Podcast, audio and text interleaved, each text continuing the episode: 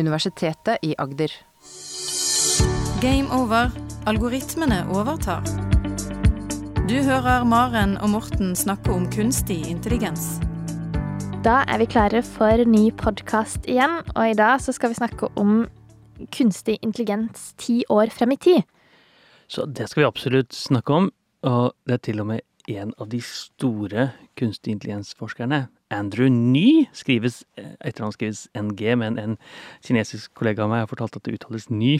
Han er eh, head of Google Brain og eh, chief scientist av Baidu, og eh, er nok for de fleste som er kjent i kunstig intelligens-verden, mest kjent for Coursera-kurs innen kunstig intelligens. Så Andrew New hadde for 10-15 år siden et veldig berømmelig kursoppsett, som som nesten alle som hoppa på kunstig intelligens-bølgen for ti år siden, faktisk hoppet på.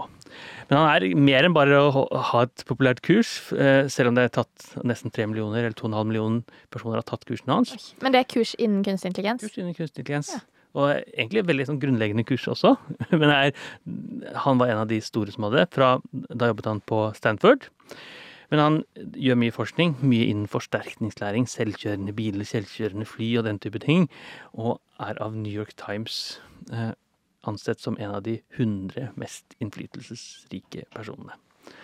Så betyr altså han har både denne industrierfaringen, Google Brain, eh, Baidu osv., og, så videre, og han har akademisk erfaring, eh, Stanford, og han kan en ting eller to om kunstig intelligens. Og nå har han altså kommet med uttalelse om bruk av eh, kunstig intelligens de neste ti årene. Ti spådommer rundt kunstig intelligens. Ja, jeg er spent på å høre hva de går ut på. Så det er eh, selvfølgelig ti forskjellige Nei, det er flere eh, Eller syv forskjellige spådommer. Og den første spådommen, den eh, har han kalt 'from bits to things'. Altså fra bits til ting. Altså fra nuller og enere til fysiske ting. For det, poenget er at veldig mye av kunstig intelligensen i dag, som vi ser i dag, som vi bruker i dag, er virtuelle dataprogrammer. Altså Facebook Ting-apper på Ja, det er ikke fysiske ting, det er en sånn ikke, ikke Ja. fysiske. Det er som eh, eh, det er over internett. software på en eller annen Ja, måte. ja, Eh, programmer.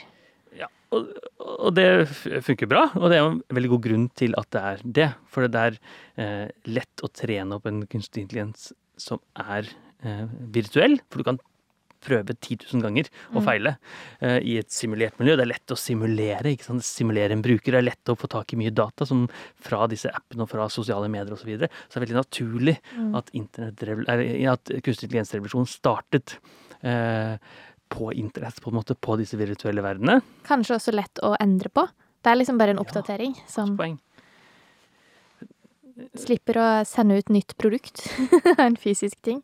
Og spesielt med denne forsterkningslæringen som han jobber med, som er da at kunstig intelligens hele tiden blir bedre ved at den interakterer med miljøet, snakker med miljøet. Mm. Eh, og det er, eh, så det er Og det er jo der mest av IT-verdenen også er. Virtuelt. Vi lager dataprogrammer. Mm. Så, men han tenker at eh, om ti år vil vi se veldig mye mer fysisk kunstig intelligens. Ja. Og når han sier fysisk kunstig intelligens, er det da snakk om roboter og sånn, eller er det mer sånn Tesla Er det en type fysisk kunstig intelligens? Det er nok mer Tesla enn eh, disse eh, Data og Sofia og sånt, Ja. hvis du tenker sånn. Eh, men ja, så, eh, mye mer konkret så, så ser en for seg at det, det er i produksjonsbedrifter hvor det er roboter. Ja, Som Eh, hjelper til med produksjon. ja, eller reparasjon. eh, hva Men er det ikke mye av det i dag òg? Jo, men de er ikke så kunstig intelligens-styrte. De er veldig eh, spesialisert. Det er De lærer ikke underveis. Helt riktig. Nei. Så når Volvo produserer sine biler, så er det selvfølgelig roboter som gjør det. Men det er noen som er ekspert på bilproduksjon, som har designa at den roboten skal skru inn skruen akkurat her. Ja, ikke sant. Det er ikke den selv som lærer seg å skru inn skruen på riktig sted. Helt riktig. Mens reklamemotoren på Facebook, for eksempel, er det den som lærer seg selv. Ja. Eh, og det vil si at eh, i, allerede i dag så er det 65% av lederne i sånne produksjonssektorer som jobber med piloter med kunstig intelligens. Og prøver å teste ut kunstig intelligens på eh, roboter. Og han ser for seg da at det, mens dagens verden har man liksom én kunstig intelligens, la oss si Facebook eller noe sånt, mm. så da eh, millioner, eh, hvis ikke milliarder av brukere snakker med det daglig. Mens han ser for seg at her kan du ha én kunstig intelligens på Volvo-fabrikken eller på Tesla-fabrikken eller noe sånt, som, som trener seg bare med Tesla-fabrikkens uh, instruksjoner osv. Og, så Ja. og så blir den akkurat så flink til akkurat én oppgave. Så du må ha flere kunstige intelligenser da på samme sted for at det skal være en som er god til å skru inn skruer, og en som er god til å Det kan det godt være. eh, optimalisere bremsing, og en som er er. Er det sånn? Så hvis jeg tenker en bil, bilproduksjon, så kan det godt være det. Det kan Ja. være at man installerer 20, da. Ja. Eh, En som er ansvarlig for hjul, og en som har ansvaret for eh, vindu. En som har ansvar for bremsene som du sier. Eh, og så Poenget er da selvfølgelig disse robotene finnes i dag, som du sier, men her kan vi trene opp. Her kan være en eh, ingeniør som viser her, robot, sånn setter du på hjul. Ja. Og så prøver roboten litt, og så sier nei, nei, ikke sånn. Eh, litt mer sånn. Ja. Litt mer sånn. Og så Mm. får den teste seg litt grann selv eh, i løpet av la oss si en halvtime eller en time, eller noe sånt, og så er den trent opp. Versus sånn som det er i dag, hvor man da har en stor ingeniørarbeid, sikkert, sikkert flere år, bare for å få en robot til å optimalisere akkurat innskruingsbiten. Mm. Så potensialet er jo helt enormt også her, når man dytter vekk av den virtuelle verden, som vi alle lever i, eh, til en fysisk verden Mm. som er den mer ekte verden.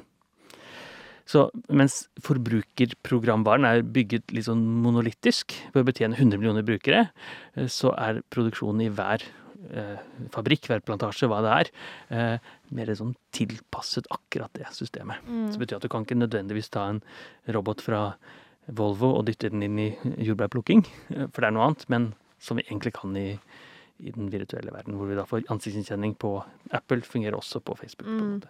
Men ville du kunne det hvis det var eh, kunstig intelligens Kunstig intelligens-programmer, da, som, eller systemer, som eh, jobba på jordbærfabrikk og på Tesla? Ja, du, du kunne se for deg det. Det er ikke det han spår. Han spår at de er mer At du trener bare opp for den ene Ja, fabrikken, ja. Og, og så blir han ekspert på akkurat det. Så det er ingenting i prinsippet i veien for at du kan ta en jordbærplukkerrobot og så dyttet den inn i fabrikken. Nei. Og så dyttet den videre til å være hjemmehjelp etterpå. Men den generaliseringen Man må lære seg litt forskjellige ting. man må lære seg masse Ja. forskjellig. Og antageligvis så går det at man skal lære seg tre ting, da, jordbærplukking, eh, produksjon og vaske klær, Mm. eh, går på tvers av hverandre. Ja. Og da er Da vil det ikke optimaliseres. da vil det ikke optimaliseres. For det vil den blir ikke bedre og bedre jo mer den lærer av forskjellige ting, sånn som vi gjør. på en måte. den kan godt bli det, men eh, det er eh, eh, Det kan også lære feil. Ja. Så hvis du lærer deg å, hvordan du plukker jordbær, så kan du kanskje glemme litt hvordan du skrur inn skruer. Ja. Eh, Fordi du ikke gjør det nok. ja, også, Men vil kunstig intelligens også glemme? Tenker liksom at kunstig intelligens vil huske så lenge den er den har, den har jo på en måte ikke noe Har den en hjerne som dytter bak, eller ikke noe hjerne, men noe som dytter bak den informasjonen du ikke trenger akkurat nå? Ja, det det var et rågodt spørsmål. eh, det er eh, Ja, den vil glemme. Eh, eh, Og det, vi kaller det gjerne katastrofeglemming. Oi. For den glemmer ofte ikke det vi har lyst til at den skal glemme. Det er Eh, skummelt. Hvis man tenker at eh, Litt som oss. Ja, litt, litt som oss, men eh, også litt på en annen måte. For det, hvis jeg da Hvis vi sier at han er blitt ekspert på å skru inn skruer i en fabrikk, og så drar vi den ut for å lære den å plukke jordbær, Mm. så vil den lære at du kan ikke en skrue kan du holde mye hardere enn et jordbær. Hvis du holder jordbær like hardt som skruen, så vil jo jordbæret skvises, og den blir ødelagt. Mm. Og når den lærer seg å eh, plukke ned jordbær, så katastrofeglemmer den. Altså, Å, ja. den har, da tenker den ja, ja, den, nå er det sånn. Så mykt skal jeg holde ting nå. Ja. Og da er den ikke Den ser ikke forskjell på jordbær og skrue, på en måte. Det er veldig vanskelig å få den til å tenke dette er noe helt annet Ja. enn du har lært før. Ja. Så hvis den da plukker den tilbake til skruen, så vil den å, nå må jeg holde løst. Så oss mennesker som kan klare å kjenne at oi, dette er noe annet enn en skrue, da må vi gjøre det på en annen måte. Det- Det klarer jo ikke kunstig intelligens. Det er i hvert fall et veldig stort problem. Ja. Og eh, det er et så stort problem at det er et eget fagfelt som heter Oi. katastrofeglemming. Som vi helst vil unngå, ikke sant? for vi vil at den skal gjerne glemme ting, eh, men eh, da vil den glemme de tingene som er relevant å glemme. Mhm. Og i, i sånn type verden så er det jo ikke sånn at man kanskje ikke har lyst til at den skal glemme, for når du har trent den opp til å, til å skru inn skruer, så skal du bli ekspert på det, og bare med forsterkningslæring hele tiden bli litt bedre og litt bedre og litt bedre på å skru inn skruer. Mm. Men så får du da en ny bil tre år etterpå, ja. og da er det en annen type skrue. Og da må du selvfølgelig lære den på nytt, da. Men da kan du bare resette den, eller Ja, for da er det jo ikke så farlig at den glemmer forrige type skrue. Med mindre det kommer en bil inn på verkstedet som skal fikses av en gammel modell. Ja, ja. Da er det jo kjipt å bli at skruen skrus i på samme måte som før. Nei, som nå, og ikke som før. Mhm. Men det fine er jo da at da kan du trene de opp, istedenfor å få den hele den ingeniørprosessen bak, da. Som er Du skal da designe en ny robot. Nå skal vi ha en ny skrue som er litt eh, kortere eller litt sterkere eller noe sånt. Da slipper vi ni måneder med designing, testing og feiling Ja. av dyktige ingeniører. Kan vi trene opp en kunstig intelligens, ser han for seg. Ja, stilig. Spådom nummer to Ja, hva er det? det er at kunstig intelligens blir mer eh, datasentrisk. Eh, og det virker ikke så, eh, så fornuftig som det andre, for vi tenker allerede på kunstig intelligens som veldig datasentrisk i dag. Den er trent opp. Men poenget hans er egentlig at vi i dagens verden så er det veldig mye fokus på de kunstig intelligens-algoritmene, kunstig intelligens-modellene. Og og han tenker at det blir en mer generalisering på disse modellene, enda mer enn det er i dag. Altså, det er én modell som kan passe til mye rart. eh, Og det blir mye mer fokus på hvilke data du har. Ja. Hvordan du prosesserer Så da snakker vi om dataen som sendes inn i Dataen som sendes inn, og dataen den trenes opp med. Ja. Så i en uh, fabrikkverden, eller i uh, ansiktsgjenkjenningsverden, eller i overvåkningsverden, så, blir, så er det i dag mye jobb på å lage kunstig intelligensen, altså algoritmene, hvordan skal de struktureres, og hva skal gå inn, og hva skal gå ut, osv. Han tenker at det blir løst, det blir ferdig, hyllevare nærmest. mm, Og så kan det være fokus på hvordan skal dataene mine være. Ja, hvilke data trenger jeg? Hvilke data trenger jeg? Og det er Og kanskje nok data? ja, nok data. Er ikke det så viktig med hvor mye data? I, I dag så er det veldig viktig med nok data. Ja. Eh, og, det, og det Han sier ikke så mye om det, men jeg ganske sikker på at eh, det er et mindre behov for den store mengden data ja. fremover. Fordi vi ser kunstig intelligente metodene bli flinkere og flinkere på å koke suppe på mindre og mindre data. Mm. Man trenger mindre og mindre data også. Og det er litt, litt, litt når disse modellene er generaliserbare, så er de allerede trent med masse bilder, med masse tekst, Ja. med masse spill eller masse robotting fra før, som du kjøper fra Du kjøper liksom med i pakka? Kjøper med i pakka. pakka. Og så trener vi bitte litt, da. To dager med min eh, Akkurat mitt problem. Men da blir poenget for bedriften da, å finne Jo, disse dataene syns vi er veldig viktige. Disse representerer hvordan vi Mm. vil. Dette er det som skal være spesifikt for oss, på en måte? Ja. Dette skal være isproduksjonsdataene vi skal få. Vi skal ha temperatur på akkurat det. Vi skal ha Mm. et eller annet som er Og da eh, går verden, tenker han da, vekk fra at eh, IT-firmaer leverer algoritmene, for det kan de bare kjøpe. Eh, eh, mer mot eh, hvordan kan vi ta de dataene dere har, tilpasse de, få det til å være akkurat sånn som kunstig intelligens trenger, sånn at dere får mest mulig styrke ut av de dataene dere Mm. faktisk har. Og altså at dataene blir viktigere enn algoritmene blir viktigere enn modellene. Mm. En fin ting med det er at bedrifter, eller offentlig sektor, eller private for den saks skyld, er veldig ofte eksperter på sine egne data. De vet. Hvis du går til Henning Olsen som lager is, eksempel, så er de helt sikkert eksperter på akkurat hvordan isen skal eh, Vaniljen skal blande seg, hvordan produksjonen er, og når iskjeksen skal være. Mm. mens hvis du går til Tesla-fabrikken, så er de helt sikkert ekspert på helt andre typer data. Så de er ofte Mm. allerede ekspert på de dataene de har. Eh, og da trenger man ikke Men betyr det at det kan brukes samme modell på en isfabrikk som på en bil? eh, Det er det, det er det han tenker, at, at eh, du kan kjøpe Kjøpe en modell, og så egne datapakker. Liksom du kjøper en Mac eller en PC, Ja. og så eh, skriver du din egen bok på den, liksom.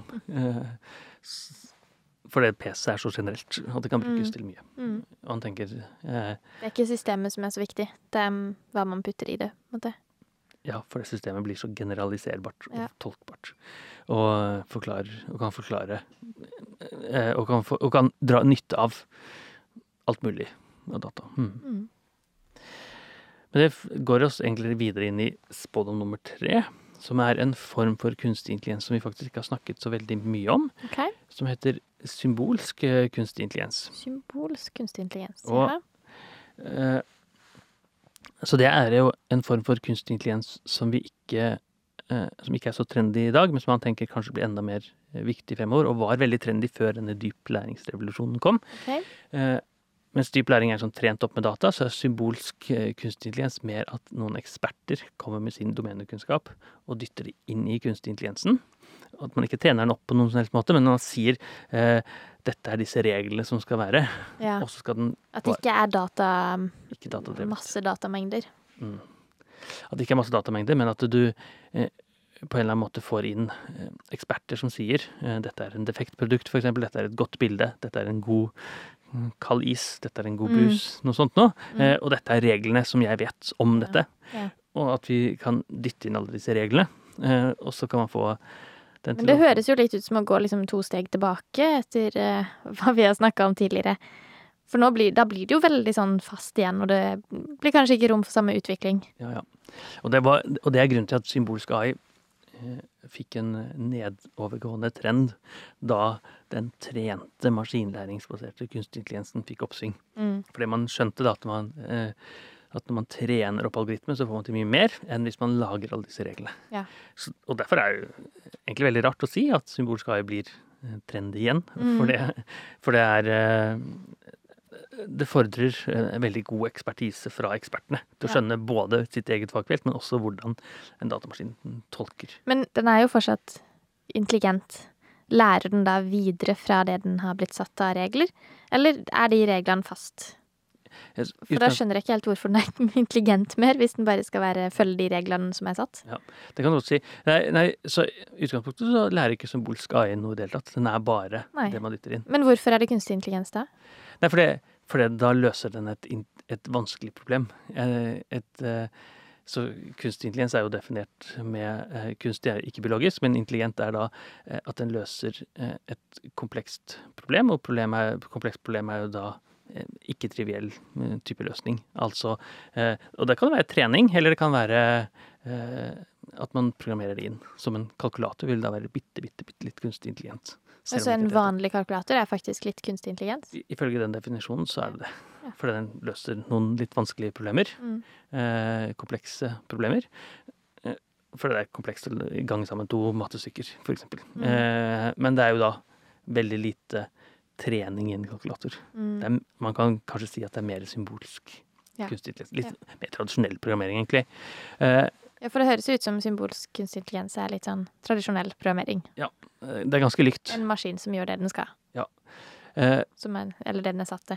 Fordi den klarer å Men grunnen til at det er kunstig intelligens Kunstig er ikke noe tvil, men intelligent er jo at den da i så fall skal kunne lære eh, type alt mulig rart av problemer. Det er ikke lære, men du skal kunne gjøre mye alt mulig rart. Ja. Og, eh, jeg kan ta historisk tilbakeblikk, så var det spam robotverden eh, var mye symbolsk kunstig intelligens for lenge siden. Okay. Så man da eh, la inn en rekke regler. Eksperter sa hvis du har Rolex eller Viagra eller hva det er, så eh, er det antageligvis en spam-e-post. Ja. Da var det noen eksperter som sa vi dytter inn disse symbolene. Mm. Dette er disse reglene som skal følge. Og så fungerte det nesten, og så fant de heller ut at det, hva hvis vi trener opp med masse spam og masse ikke spam, Mm. og da fikk man maskinlæring på det. Og da slo, gruste maskinlæring den symbolske Ja. verden totalt. Derfor er det jo veldig rart å tenke at eh, å ja, men dette spår vi at skal bli mye mer av igjen. Ja.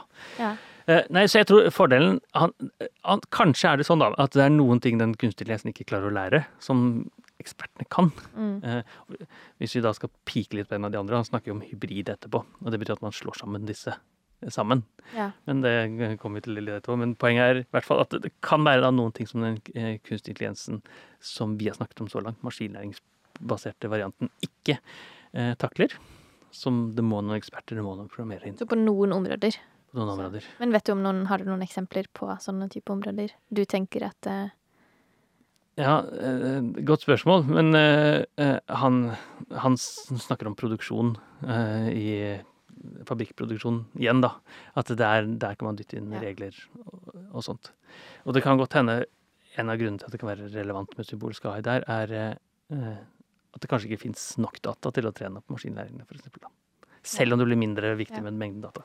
For egentlig syns jeg han snakker litt sånn rundt seg selv, eller litt sånn Han dekker alle områder. Han greier seg veldig med å si at ja, men det skal bli mer Dataen blir viktigere, Ja, ja, godt poeng. men vi skal ha mer symbolsk eh, AI. Ja, ja, Så det, han får jo kanskje rett uansett, da. ja, ja. Det liksom altså, det, Ja, det blir en tautologi, ikke sant. Ja. Enten hverdag eller helg nå i dag. Ja. I. Så er det den som hører på, her hører på en hverdag eller helg. Og da er det Ja, du, du har helt rett. For symbolsk er jo ikke datadrevet. Mens eh, den datasentriske varianten er jo i aller høyeste grad datadrevet. Ja. Så det er motsetning. Ja, det er godt uh, poengtert. La oss gå til neste spådom. Ja, her er han flere Eh, vi Spådom nummer fire av syv Ja. er eh, eh, noe som kalles semi-supervised learning. Eh, og vi har så vidt snakket om det før, men poenget der er at eh, man kombinerer både eh, ikke-veiledet og veiledet eh, maskinlæring. Så ikke-veiledet vil da være at man ikke har en fasit. Så er det ikke symbolsk kunstig intelligens, det er alt er bare trent opp. Man ikke har en fasit, f.eks. Mm. man grupperer noe. Ja. Uh, vil være en sånn ikke-veiledet læring, unsupervised. Uh, for eksempel disse som ser på den filmen, ser også på denne filmen. Type ikke-veiledet læring. Det er, uh, det er ikke noe fasit, det er liksom bare at uh, her er det noen som har en fellestrekk. Disse grupperer man sammen. Mm. Mens veiledet vil da være dette er en sykdom, ikke sykdom. Semi-supervised er litt midt imellom. Det betyr at man trener først opp en algoritme med ikke-veiledet, altså grupperer de eller et eller annet sånt. Lager et puslespill eller forutsier neste videoen i en film eller noe sånt. Ikke-veiledet. Og så tar man den ver- ver- verden over i veiledet verden, sånn at man da skal forutsi en sykdom. Så et helt konkret eksempel, hvis man dytter inn mange MRI av eh, en fot, så sier man her skal man først finne ut MRI. Eh, Ja, eh, man tar en røntgen eller sender en sånn Bilder. på en måte. 3D-modell Ja. av eh, foten sin, eksempel. Mm. Eh, Om man har brukket foten, så sender man inn en sånn stor maskin som finner eh, eh, lager et 3D-bilde av foten, basert på magnetisme i, i cellene. Eh, Det blir MRI, og så kan man da få en kunstig intelligens først bare eh, stokke om bildet og se at tåa tå er der, bein er der, okay. huden er der. Mm. Da trenger man ikke, Finne ut hva som er hva, på en måte. Ja, man bare kan gruppere tingene som hører sammen. Og da trenger man bare lage et puslespill, og så kan man pusle tilbake det som ikke er veiledet. For den trenger ikke noe doktor, lege, for å bestemme det. Og så trener man først opp med det, og så dytter man det inn i eh, Er foten brukket, eller er foten ikke brukket? Ja. Eksempel. Eh, og da trenger man jo en ekspert, da. Og da kan man bare sjekke på det området man, ja, som det er gruppert. og hele hensikten er eh, at da når den lærer seg å gruppere, så lærer den seg noen felles egenskaper om føtter. Ja. Bare Hvis tåa er der, og ikke der, så Ja. er den antageligvis eh, Brukket. Eh, bare, Pleier å være fem tær, liksom. Mens, ja, Mm. som oftest er det fem tær. Mm -hmm. Eh, og, eh, og bare sånne ting som eh, pekebok eh, for små barn-type. Mm. Og så etterpå eh, trenger man den store domenekunnskapen. Da. Ja. Eh, Og det kalles da semi-supervised, for du kombinerer både den ikke-veiledningen og den veiledende sammen. Mm. Da trenger man massiv mengde data, men man trenger bare litt som er eh, ekspertstyrt. Man trenger bare legen inn på den aller siste biten. Ja. Eh, og da er det, og han tenker da at semi-supervised learning kommer til å bli en av de store eh, trendene innen maskinlæring, maskinlæringsbasert kunstig intelligens. Eh, og det er det som brukes i de store språkmodellene, sånn som BERT og GPT2 og GPT3, som vi har snakket om eh, noen gang. Og hvor man da trener opp med masse tekst, og så gjetter man det neste ordet. Og så Ja. etterpå klassifiserer man eh, er teksten eh, godt skrevet, dårlig skrevet. Man, eh, men hvorfor heter det veiledet, ikke veiledet? Ja. Nei, så ikke veiledet betyr at du trenger ikke en veileder. Eh, du har bare dataene. Ja. Er det noen felles trender på det? Hvis du da tenker du ser masse data og ser om er det noe som kan kategoriseres. Hva er likt? Ja. Hva er ikke? Du kan tenke Hvis du tar GPS-koordinatene til alle eh, personene i Norge fra mobiltelefonen eller noe sånt, Mm. eh, fins det noen grupper? Ja. Jo, antageligvis vil du få mange grupper eh, som vi da kan se på. Så kan vi si at jo, her er Hva vil være en gruppe der, typisk? Det kan være at alle bor er, er i nærheten av hverandre. Så det vil være en stor gruppe rundt Oslo, for der er det folk. Ja. Og så på eh, tykkeste Hedmark så vil det ikke være så mange mennesker. Mhm. Så, eh, og så vil det være en gruppe i Kristiansand og en i Trondheim osv. Store grupper. Og da trenger man ikke en ekspert som sier at eh, Oslo er et sted, Kristiansand er et sted. Det er bare Nei. dataene. Men da kan man få det etterpå. Det kan man få etterpå, men med en gang man får det, så er man i veiledet Da er man i veiledet. For da er det en veileder som kommer inn. Ja. Eh, eller på en annen måte å tenke på det er hvis du bare leser en bok, så Mm. blir du sikkert flinkere til å lese. Mm. Eh, du bare leser, og så lærer du å lese for det du leser. Eller så kan du få en lærer som sier eh, nå uttaler du feil, nå Mm. uttaler du riktig. Nå du Så på egentlig så er det denne her um, data em, punkt to, hvor det ble sendt inn masse data, Ja. eh, det er den ikke veiledde Og så sender man inn bitte litt data på slutten, eh, som er veiledet. Ja, så den er også veiledet. Det er ikke den her symbolske Ja, ikke symbolske. ja. Nei, det er ingenting med symbolsk å gjøre. Nei, For symbolsk er bare ekspert. Det er, alt er men den maskinlæring. veiledede data er også data. Ja, for også. Som, det er også data du sender inn. Ja, helt riktig. Det er Også- ikke en ekspert som sier 'sånn skal det være'. Nei. Nei. Nei, øh, godt poeng. Så Symbolsk kunstig intelligens er jo da bare ekspert, ikke noe data i det hele tatt. Nei. Ikke veiledet er det bare dataene. Mm. Veiledet er det da en ekspert, lege, som har annotert sagt. Som har sendt inn noen data, på en Ja. måte. Og, Ja. og i tillegg sagt øh, hva fasiten er. Ja. Brukket bein, ikke brukket bein. Men eh, hva er vitsen med å sende inn denne kunstig intelligensen til å finne ut om bein er brukt eller ikke, hvis det allerede er en ekspert som har sagt ifra? Jo, jo, for det, poenget er at når du da har trent den opp, så kan du da få en helt ny brukket bein. Det kommer en person som vil lure på Ja. er beinet brukket. Og da har vi sett det i eksempler før. Og da har den lært seg at når stortåa er på et annet sted enn den skal være, ja. så er det brukket. Ja. Eh, ja. For det Så den har lært seg det med eksempler fra før, egentlig. Ja. Men her kan vi også altså eh, Spådommen er at du ikke trenger så mye domenekunnskap, mm. men du trenger masse data eh, og eh, litt domenekunnskap, og at den måten å jobbe på blir trendy. Jaha.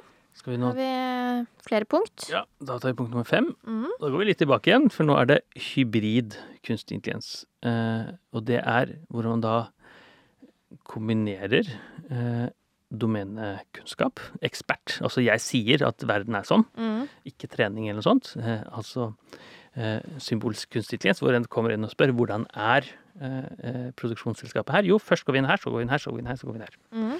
Og så dytter man på maskinlæring på toppen der. Og man kombinerer denne symbolske kunstig intelligens mm. med maskinlæringskunstig intelligensen Mm. i én. Og med maskinlæring, da, så mener du at vi dytter inn data? Da dytter man data. Ja. Ja. Så har man altså en del som ikke har noe med data å gjøre, Mm. bare eksperter. Og så har man en del som har data, som kan være annotert av eksperter eller dyttet på eksperter, men det er liksom eh, bare datadrevet, da. Ja. Så maskinlæring og eh, eh, symbolsk kunstig intelligens sammen. Som han kaller hybrid kunstig intelligens. da. Fins det noe i dag, eller er det helt nytt? Ja, veldig, veldig lite. Ja. For det har ikke fungert. Eh, for er enten så er vi da symbolsk og vi lager eksperter, eller så har man trent det bare for data. Ja. Men Men hva kan man oppnå da med å bruke begge deler? Ja, for egentlig eh, Nei, for det man tenker seg, er at det er to kilder til kunnskap her. Mm. Det er eh, alle de som er produksjonseksperter eller overvåkningseksperter eller hva, har en eller annen kunnskap som de ikke har i dataene. Mm. Og den kan vi på en eller annen måte få inn. Og så er det en eller annen kunnskap i dataene som man kan få inn. da. Så eh, når man har mye data, eh, så kan man bruke bare maskinlæring. Når man ikke har noen data, kan man bruke symbolsk kunstig intelligens. Mm. Eh, Men kanskje har man litt av hvert. Begge deler. Og det har man egentlig ikke fått til. Så kanskje blir det enda bedre, da. Mm. Kanskje blir det en eller annen måte at vi får Magnus Carlsen sin sjakkekspertise også, i tillegg til en sjakk som er trent av Ja. data. Mm. Eh, og så sammen blir de på en eller annen måte bedre. Eller jeg som lærer som har lært seg hva elevene klarer å lære og ikke klarer å lære litt, i hvert fall. Mm. Og i tillegg dytter inn dataene fra tidligere prøver. Mm. Kanskje kan man de kombineres på en annen måte. Ja, det høres jo smart ut. Men det har ikke fungert så godt til nå, sier du? Veldig dårlig. For det er bare to helt forskjellige typer kunnskap. Ja. Så den klarer jo ikke å samarbeide godt, på en måte? Nei. Eh, ja. Eh, jeg vet ikke om jeg skal prøve å finne på en annen analogi, men det er eh, som å kjøre bil og eh, sykle samtidig, liksom. Det er Ja. fordeler med begge deler. Ja. Men du må gjøre det hver for seg? må gjøre det hver for seg. Ja. Men for her mener han at man gjør det helt på likt? Ja, igjen. Ikke at man liksom. først gjør det ene, og så gjør det andre? på en måte. Ja, ja, at det er Ja. Det, Jeg mener ikke at du først tar bilen eh, et stykke på vei, og så sykler du den siste biten til jobb. Ja. Han tenker at du både sykler og kjører bil samtidig. Jeg tenker vel litt om, også blir det sånn motorsykkel som er kombinasjonen der, da. Men, men, men, men det akkurat det man tenker, da. Så kanskje man kjøper en, et dataprogram, og så Her er kunnskapen min. Jeg vet hvordan man produserer bildekk. Mm. Det er runde, og det gjør uh, gummi og sånt. Og så stopper på et eller annet punkt, og så da dytter vi inn data. Og så får man en sånn hybridmodell hvor man både har domenekunnskapen Mm. og man har data. Sånn. Og ja, et, et, i hvert fall eh, prinsipielt så har det mye for seg. Mm. For det gir mening. Det er noe ekspertise hos Mm. masse eksperter som Som ikke, gjerne skulle vært hatt med. som ikke er noe mer enn at de klarer å bare si eh, brekt bein, ikke brekt bein. Men som vi likevel gjerne skulle hatt med i disse datasetta. Ja, eller enten i datasettet, eller at man bare skriver inn, eller forteller eller forklarer eller sånt. I hvert fall hvis man tenker på de ikke så datadrevne yrkene, da, læreryrket f.eks., så er det jo en eller annen kunnskap hos alle lærere Mm. eh, som ikke er prøver. Mm. eh, Som ikke kan måles, men som allikevel er kunnskap de har. Så for å ta bil-sykkel-bildet ditt, da, så er det håpløst hvis man prøver å kjøre bil og sykle samtidig. Men hvis man får til å lage motorsykkel, Ja. så kan det fungere veldig godt. Det kan godt hende det. Da får du både den friske luften Så hvis de får det til på den samme måten, så kanskje. ja, Eller elsparkesykkel. Eller elsykkel. Ja, elsykkel er jo også mm. Spådom nummer seks av syv. Jaha. Eh, går litt på det samme, men egentlig noe helt annet. Det er multimodal eh, kunstig intelligens. Og hva legges i det? Ja, multimodal det betyr at man har flere modaler, altså flere datavarianter. Eh, det kan være både tekst og bilde og video. Ja. Tre ting sammen. Så eh, det er, noen eksempler på at det har fungert før òg, men veldig lite. Eh, stort sett så er det sånn at disse kunstige intelligensene de er veldig gode på å kategorisere bilder, veldig gode på å kategorisere lyd, veldig gode på å kategorisere video, men ikke alt sammen sammen. Nei. Mens eh, når vi ser på en film, eller jeg underviser mine studenter, eller noe sånt, så er det mer. Det er både det jeg forteller, det er kroppsspråket, Mm. det er eh, eh, tekstboken. Alt det, det er multimodalt. Det er masse forskjellig samtidig. Mm. Mange inntrykk, og det klarer den ikke ta til seg i dag. Og fordi vi, er liksom, vi har spesialisert kunstig intelligens bare på å kjenne igjen bilder, f.eks. Ja. Eh, men eh, undervisning, da, som et eksempel, blir jo det er jo eh, overhodet ikke Du kan ikke bare lese en bok, antageligvis. Antageligvis så får du mye mer igjen for å både lese boka og gå i forelesning. ikke sant? For da får du me- me- mer modaler. Og eh, han ser for seg at kunstig intelligens er jo eh, Selv om det ikke er noen gode, eller veldig få gode eksempler på det i historien, så er det eh, ikke veien å gå at man lager en perfekt algoritme for en single eh, er altså bare for ett type data. Mm. Typ bare bilder, for eksempel. Eller legeverden, selv om du klarer å eh, kategorisere brukket bein veldig bra. Så er det ikke nødvendigvis det eneste legen bryr seg om. Nei. Kanskje er det en historie bak. Mm. Kanskje er det, har du brukket bein hele tiden. Kanskje er det en Mm. underliggende sykdom. Eller kanskje er det enda mer alvorlige ting. Ikke sant? Så det er eh, Legeyrket er multimodalt til tusen. Det er ikke bare én konkret ting. Det er en sammensatt, en eh, et ja. sammensatt svar. Ja. Ja. Så hvis det er fjerde brukne beinet på et år, så kanskje man skal undersøke for Mhm. andre underliggende sykdommer, f.eks. Mm. Mm. Det var spådom nummer seks. Eh, spådom nummer syv er felles data, ikke felles modeller. Så Ja. litt trenden i dag er at det er noen i hvert fall dominerende algoritmer eller modeller eh, som er veldig fungerer veldig, veldig bra. Og så har vi individuelle data. Eh, mens han ser for seg at det i tillegg blir store datasjøer. Eh, norsk data, for eksempel. Eller Men er ikke dette litt motsatt av det han sa i stad? I stad sa han det at det, eh, det skulle være én modell, og så kunne man konkretisere til sitt bruk med sine data. Men så nå sier han at her har vi en egen modell, og så må du ha felles data. Ja, ja. I mitt hode er det helt omvendt. Ja, det kan, nesten kanskje. Eh, det er ikke sikkert det er så motsetninger sånn som jeg tenker det. Men, eh, så vi har, I dag så har vi fellesdata, hvis du tar Norge som eksempel, helsedata. Men det blir ikke brukt felles. Fordi vi har eh, individuelle data for hver pasient. Ikke liksom jeg får til, eneste jeg får tilgang til, er min egen pasientjournal. Jeg Mm. får ikke tilgang til alle andres. Eh, mens han ser for seg at det er mer enn sånn eh, forskere og andre får da tilgang til disse store data. for Det trene ikke enkeltmenneske, men Ikke enkeltperson. enkeltmenneske. Men det er ikke nødvendigvis kontrast til at du eh, har modellen, og så kan du trene opp dine egne data der. Men at eh, i tillegg da kan du gå ned og abonnere på en datatjeneste for å trene opp en kunstig intelligens for helseverden, f.eks. Mm. Eller Så får du en stor sånn datasjø, som du sa, med et konkret tema. Eller flere konkrete temaer. Eller språkvarianter. eller sånn. Mm. Så, eh, Wikipedia er egentlig et sånt eksempel. Du skal trene opp en kunstig intelligens og språk, så trener du ofte opp på Wikipedia-data i dag. Men det er ikke tilrettelagt for kunstig intelligens. Du må gå inn, du må lage en crawler som går og besøker alle nettsidene. Og laster ned teksten og trener opp. Ja. Så eh, mer så, sånne type eh, datasent... Når vi da tenker datasentrisk kunstig intelligens, så er det at de, tilgangen er, er på plass. Mm. Lett kan abonneres på, sånn som vi abonnerer på Netflix eller eller HBO eller YouTube i dag. Mm. Ja, men det er jo interessant. Så han sier da avslutningsvis her, i intervjuet i VentureBeat, som eh, kom i slutten av mars egentlig, da, eh, her, for de som er interessert, så sier han at for oversatt fra engelsk til norsk For ti år siden undervurderte jeg mengden arbeid som ville være nødvendig for å gi dyp læring, og jeg tror mange i dag, mennesker i dag undervurderer mengden arbeid, innovasjon, kreativitet og verktøy som skal til for å utforme et datasentrisk kunstig intelligens til sitt fulle potensial. Men ettersom vi kollektivt gjør fremskritt med dette i løpet av de neste årene, tror jeg at det vil muliggjøre mange flere kunstig intelligens-applikasjoner. Og det er jeg veldig spent på. Og det er vi òg. Det er vi også. Ja. Og vi får da sjekke, da, om eh, ti år, når vi ser tilbake på denne episoden, hvor mange av disse spådommene, som jeg er enig i, spriker ganske mye. ja, og jeg syns jo at han har helgradert seg ganske godt. Ja. Men eh, så jeg har troa på at han treffer med noe. men, men når man treffer med alt, det får vi vente og se. Det er kanskje det som er eh, en smart manns spådom, det er å Mhm. helgardere. Det er ikke dumt, det.